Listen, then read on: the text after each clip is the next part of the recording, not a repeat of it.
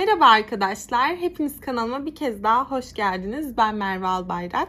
Bugün sizlerle birlikte başlıktan da görmüş olduğunuz üzere son derece garip ve akıl almaz bir olay hakkında konuşacağız.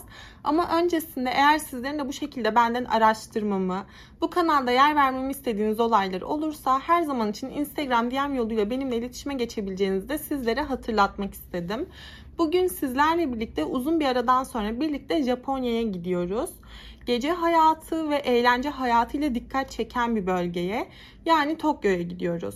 Ve bugün bahsedeceğimiz kişi bir kez daha kalabalıklar içerisinde yalnız kalmış, belki de kendi kendisini yalnızlaştırmış biri.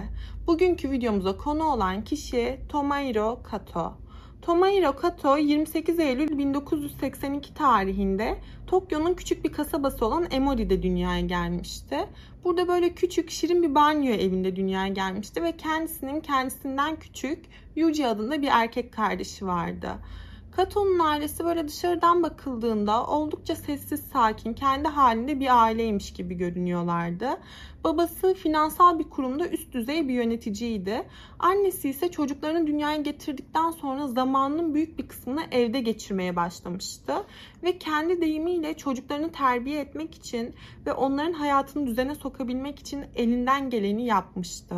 Yani anlayacağınız üzere Kato'nun ailesi bütün imkanlarını çocukların önüne sermeye çalışıyorlardı. Ve bunun karşılığında tek beklentileri onlardan daha iyi bir akademik başarıydı. Ve onların prestij prestijli hayatlar yaşamasıydı.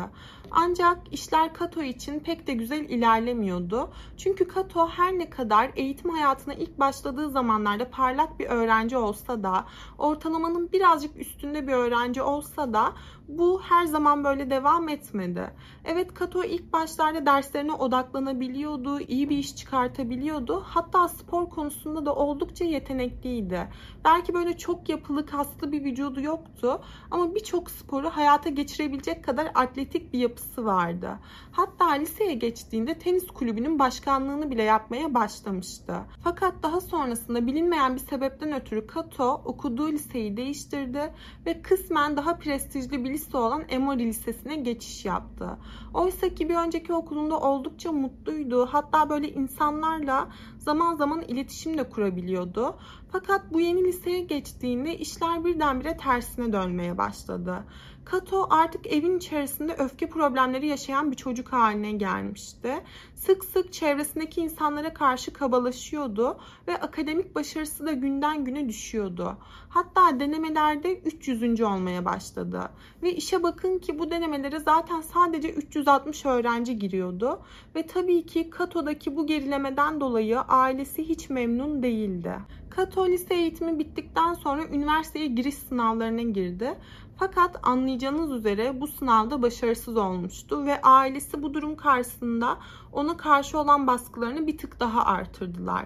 Kato bir sene daha çalışırsa bunu yapabileceğini düşünüyordu. O yüzden bizdeki deyimiyle mezuna kaldı ve üniversite giriş sınavları için bir sene daha çalıştı. Ama sonrasında bu sınavda tekrardan başarısız oldu. Yani ailesinin beklentilerini bir kez daha karşılıksız bırakmıştı.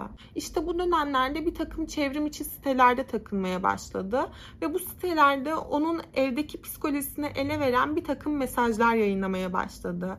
Genel olarak ailesi hakkında mesajlardı bunlar. Yani ailesinin kendisini yetiştirirken ne kadar baskıcı olduğunu eleştiriyordu. Evin içerisinde kendisini ne kadar yetersiz hissettiğini, ailesine karşı ne kadar mahcup olduğundan bahsediyordu.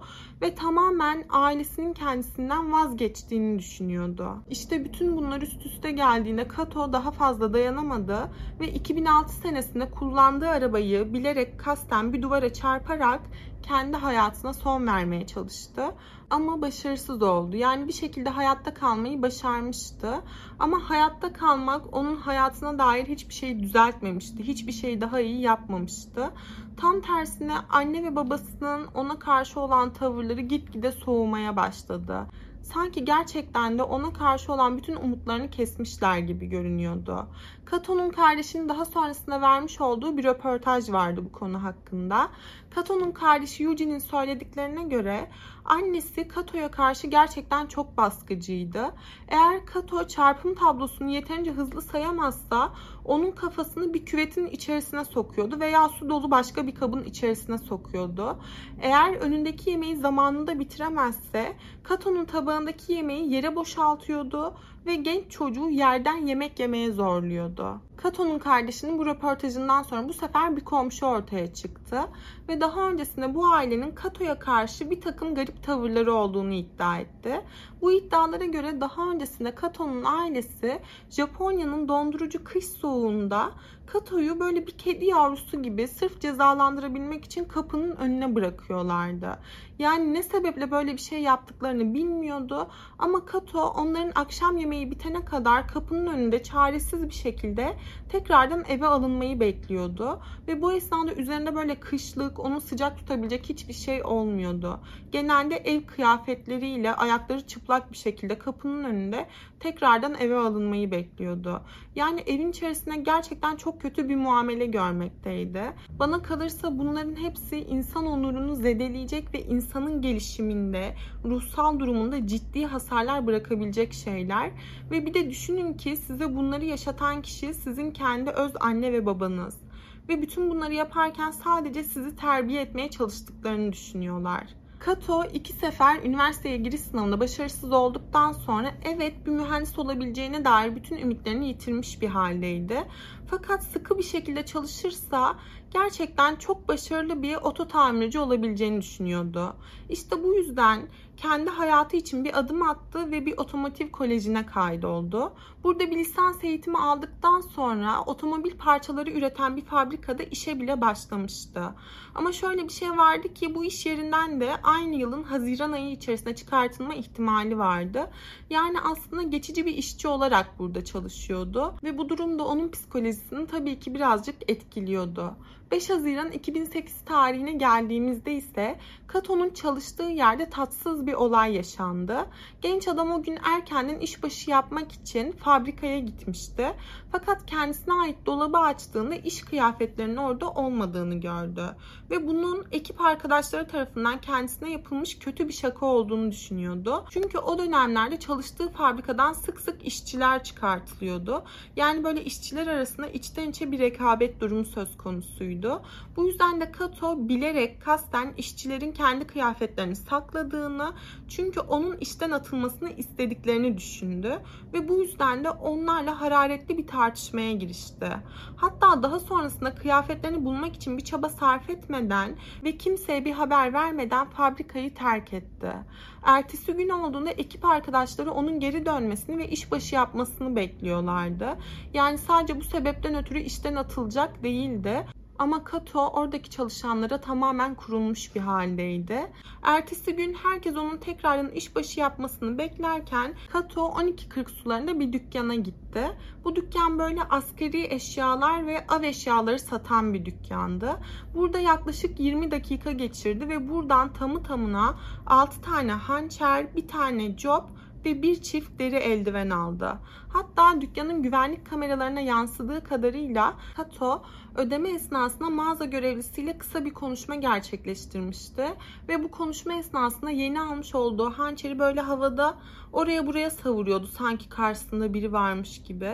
Yani sanki böyle bir şeylerin pratiğini yapıyormuş gibi görünüyordu. Ertesi gün Kato kendi şahsi bilgisayarı başta olmak üzere bir takım özel eşyalarını yanına aldı ve Akahibara alışveriş merkezine doğru yola çıktı. Kusura bakmayın çok fazla Akahibara demeyi başaramıyorum ama siz anlamışsınızdır diye düşünüyorum. Bu alışveriş bölgesine doğru yola çıktı. Aslında bu eşyaları ikinci elden satmayı planlıyordu. Gerçekten de bu konuda başarılı olabilmişti. Elindeki kendi bilgisayarı da dahil olmak üzere birçok eşyasını aynı gün içerisinde sattı ve eline geçen parayla birlikte büyükçe bir kamyonet kiraladı. Artık kafasındaki planı hayata geçirebilmek için önünde hiçbir engel kalmamıştı. Kato 5 Haziran tarihinde iş yerinde ekip arkadaşlarıyla tartıştıktan sadece 3 gün kadar sonra yani 8 Haziran günü kamyonetine bindi. Bir iki gün öncesinde bir av dükkanından almış olduğu eşyalar da yanındaydı. Ve tekrardan Akaibara alışveriş bölgesine doğru yola çıktı. Bu Akaibara alışveriş bölgesinden birazcık bahsedecek olursak bu bölge hafta sonları öğleden sonra tamamen trafiğe kapatılıyordu. Yani arabaların girişine izin verilmiyordu. Böylelikle insanlar yaya bir şekilde alışveriş yapabiliyor ve birlikte zaman geçirebiliyorlardı. Yani baktığınız zaman insanlar açısından oldukça güvenli bir hale getiriliyordu. İşte Kato bu bölgeye geldiğinde bir süre boyunca aracının içerisinde o bölgenin trafiğe kapatılmasını bekledi. Hatta aynı gün içerisinde sık sık zaman geçirdiği ve içini döktüğü çevrim içi bir sitede bir takım garip mesajlar yayınladı. O mesajlardan da bulabildiklerimin bazılarını sizlerle paylaşmak istiyorum. O gün yani 8 Haziran günü Kato'nun yayınlamış olduğu ilk mesaj şu şekildeydi. Akaibara'da insanların hayatına son vereceğim. Daha sonrasında bu mesajların ardı arkası kesilmedi ve ikinci bir mesaj yayınladı. Bu mesajda ise bir kız arkadaşım olsa işi bırakmazdım. Cep telefonuna bağımlı bir hale gelmezdim. Umudu olan kimse nasıl hissettiğimi anlayamaz diyordu. Daha sonrasında bir mesaj daha yayınladı ve bu mesajda da tek arkadaşım yok ve gelecekte de olmayacak. Çirkin olduğum için görmezden gelineceğim. Çöpten aşağıyım çünkü en azından çöpler geri dönüştürülür diyordu. Yani baktığınız zaman bütün bu mesajlar oldukça rahatsız ediciydi. Ama bu mesajların hiçbiri kimse tarafından ciddiye alınmadı ve kimse Kato'yu durdurmaya çalışmadı. Oysa ki Kato bir süre boyunca aracının içerisinde oturmuştu ve kendisi bütün bunları hayata geçirmeden önce polislerin gelip kendisini durdurmasını ve bir şekilde bu duruma engel olmalarını beklemişti. Ama ne kadar beklerse beklesin kimse oralı olmadı ve bu yüzden de o alışveriş bölgesi trafiğe kapatıldığı an Kato daha fazla durmadı ve binmiş olduğu kamyonetin gazına basarak yaya geçidinde yürümekte olan insanların üzerine doğru aracını sürmeye başladı. İnsanlar kendi üzerlerine doğru kocaman bir aracın geldiğini görünce tabii ki oraya buraya kaçışmaya başladılar. Ama Kato bilerek kasten onların üzerine doğru aracını sürmeye devam ediyordu. Yani o gün o bölgede onlarca insana çarpıp geçmişti ama hiçbir şey onu durdurmaya yetmiyordu. Tek istediği daha fazla insana zarar vermekti. Hatta bu durumu fark eden bazı insanlar oldu ve yoldan geçen insanlar arabanın kendilerine çarpması sonucu yere düşen insanlara yardım edebilmek için onların yanına doğru koşuşturmaya başladılar. Tabii ki o esnada acil yardım hattını arayanlar da olmuştu ve çok kısa bir süre içerisinde olay yerine yaklaşık 17 tane ambulans geldi. Ama Kato olay yerinin kalabalıklaşmaya başlamasıyla birlikte birilerinin onu durdurmasına fırsat dahi vermeden yanına bir hançer aldı ve kamyonetini terk edip bir aşağı sokağa doğru koşmaya başladı. Hatta bu şekilde birkaç insana daha zarar vermeyi başardı. Ama iki sokak aşağıda bir polis memuru tarafından tam da bir kadına zarar verdiği esnada tutuklandı. Kato 10 Haziran'da Tokyo Bölge Savcılığına sevk edildi. Tabii ki uzun bir soruşturma ve inceleme süreci başlatılmıştı. Ve daha sonrasında ortaya çıktı ki o günün mağdurlarından tamı tamına 7 kişi hayatını kaybetmişti. Bu 7 kişi üzerinde yapılan incelemeler sonucunda fark edildi ki bu 7 kişiden 3 tanesi kamyonetin kendilerine çarpması sonucu hayatlarını kaybetmişti. Diğer 4 tanesi ise Kato'nun kendilerine doğru savurmuş olduğu hançer sebebiyle hayatını kaybetmişlerdi. Bu incelemeler esnasında ortaya çıkan bir şey daha vardı. Kato'nun telefonu incelendiğinde içindeki bütün verilerin silindiği fark edildi. Yani bütün mesajlaşmalar, bütün numaralar, Kato'nun özel hayatına dair bütün detaylar silinmiş bir haldeydi. Bu durum tabii ki yetkililerin son derece dikkatini çekti. Çünkü Kato bu planı biriyle birlikte mi yapmıştı? Onu birileri mi bunu yapmaya teşvik etmişti? Arkasında daha büyük bir güç mü vardı? Yetkililerin merak ettiği şey buydu. Yani Kato neyi saklamaya çalışmıştı? Bu durum Kato'ya sorulduğunda ise onun gerçekten çok basit bir cevabı vardı.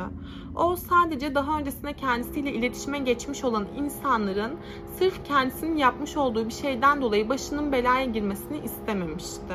Yetkililer daha sonrasında ona çevrim içi sitede yayınlamış olduğu mesajları sordu ve Kato burada bir kez daha çok trajik bir ifadede bulundu. O mesajları yayınlamasının tek sebebi birilerinin onun atmış olduğu mesajları görmesi, onu yetkililere bildirmesi ve yetkililerin de gelip kendisini tutuklamasıydı. Yani baktığınız zaman küçük bir çocuk gibi fark edilmek istemişti. Ama kimse oralı olmayınca, yani kimse onu ciddiye almayınca ve durdurmaya çalışmayınca kendisini gösterebilmek için, gücünü kanıtlayabilmek için böylesine bir şey yapmıştı. Evet yapmış olduğu bu şeyi aklayacak hiçbir şey yok ve yapmış olduğu şey gerçekten korkunç bir şey. Ama ben sadece onun psikolojisine de aynı zamanda dikkat çekmek istiyorum. Zaten mahkeme süreci sonuçlandığında mahkeme Kato'nun hayatına son verilmesine karar verdi. Ve bu karardan sonra Kato gerçekten çok pişman olduğunu iddia ederek mağdurların ailelerinden özür diledi. Ve bu ifadesinde Yapmış olduğum birçok şeyi hatırlamıyorum. O güne ait birçok detayı hatırlamıyorum. Ama bütün sorumluluğun bende olduğunu farkındayım demişti. Ve bu genç adamın bütün bu olaylar gerçekleştikten yaklaşık 14 yıl kadar sonra yani 26 Temmuz 2022 tarihinde hayatına son verildi. Fakat Kato'nun hayatını kaybetmesi hiçbir şey düzeltmiş değildi. Tam tersine ailesi tamamen parçalanmış bir haldeydi. Babası çalıştığı yerden ekip arkadaşlarının zoruyla istifa etmek zorunda kalmıştı. Bu yüzden de o küçük, tatlı, şirin banyo evlerinde tek başına kalmıştı. Zaten babasının tek başına kalma sebeplerinden birazcık bahsedeceğim. Ama bu dönemde Kato'nun babası da gerçekten çok kötü bir ruh haline doğru sürüklenmeye başladı. Çünkü komşularının söylediğine göre yaşlı adam çoğu zaman dışarıya çıkmıyordu. Zamanın büyük bir kısmını evden çıkmadan geçiriyordu. İnsanlarla hiçbir şekilde muhatap olmuyordu ve birileri ona bu konu hakkında bir soru sormaya çalıştığında tamamen sessiz kalıp durumu kabul ediyordu.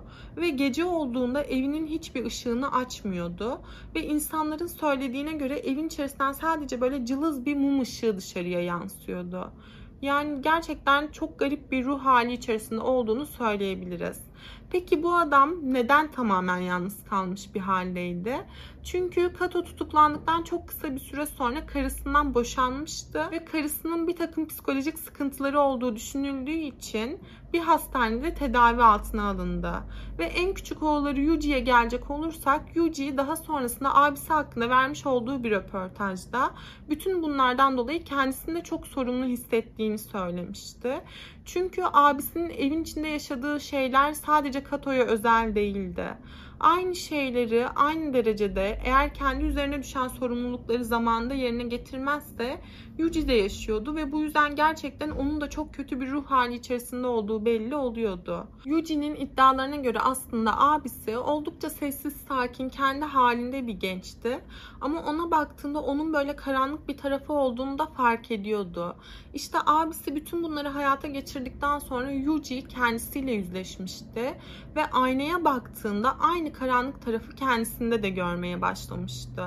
Ve bir gün abisi gibi diğer insanlara zarar vermek kaybetmekten korktuğu için bir gün bu karanlık tarafının onu tamamen ele geçirmesinden korktuğu için henüz sadece 28 yaşındayken hayatını kaybetmişti. Hani baskıcı bir ailenin tohumu olan bu iki genç de oldukça yanlış kararlar verdiler ve bedelini kendi hayatlarıyla ödediler. Dediğim gibi asla Kato'nun yapmış olduğu hiçbir şeyi savunmuyorum. Fakat onun ne kadar kötü ve insan onurunu ne kadar zedeleyecek bir çocukluk geçirdiğini ben anlatırken hepiniz fark etmiş olmalısınız. Mutlaka beni izleyen anne babalar veya anne baba adayları olduğunu farkındayım. O yüzden bu videonun hepimiz için en azından bir ders niteliğinde olmasını istedim. Hiç haddim olmayarak. Çünkü son zamanlarda gerçekten yaşı küçük takipçilerimden birçok mesaj alıyorum. Aileleri tarafından birçok şeye zorlandıklarını fark ediyorum. İstemedikleri okula gönderilmek gibi veya hiç istemedikleri halde hiç istemedikleri şeyleri giymek zorunda bırakılmak gibi. Gerçekten birçok şeyden şikayetçiler. Evet farkındayım anne baba olarak çoğu zaman çocuğunuzun hayatını düzene sokmak istiyorsunuz ve onu ailenize uygun bir birey haline getirmek istiyorsunuz. Belki de tek istediğiniz şey ona daha iyi bir hayat sağlamak, onun için bir düzen kurmaya çalışmak. Ama bence bazen bu düzeni kurma işini çocuklara bırakmak gerektiğini düşünüyorum. Yani bırakalım da onlar kendi hayatlarını inşa etsinler ve kendi istedikleri şekilde inşa etsinler. Ve şunu da söylemek istiyorum ki hiçbir siyasi görüş, hiçbir dünya görüşü, hiçbir değer, örf, adet çocuklarımızdan daha ağır basmamalı ve onların isteklerinde makul olduğu sürece her zaman yanlarında olmamız gerektiğini düşünüyorum. Çünkü gördüğünüz üzere baskıcı bir aile çocuklarına bu kadar büyük zararlar verebiliyor ve çevreye de bu kadar büyük zararlar verebiliyor. Siz bu konu hakkında ne düşünüyorsunuz? Gerçekten çok merak ediyorum. Ama bugünlük benim anlatacaklarım buraya kadardı. Gerçekten çok konuştuğumu farkındayım. Ama bir sonraki videoda görüşmek üzere. Kendinize iyi bakın. Hoşçakalın.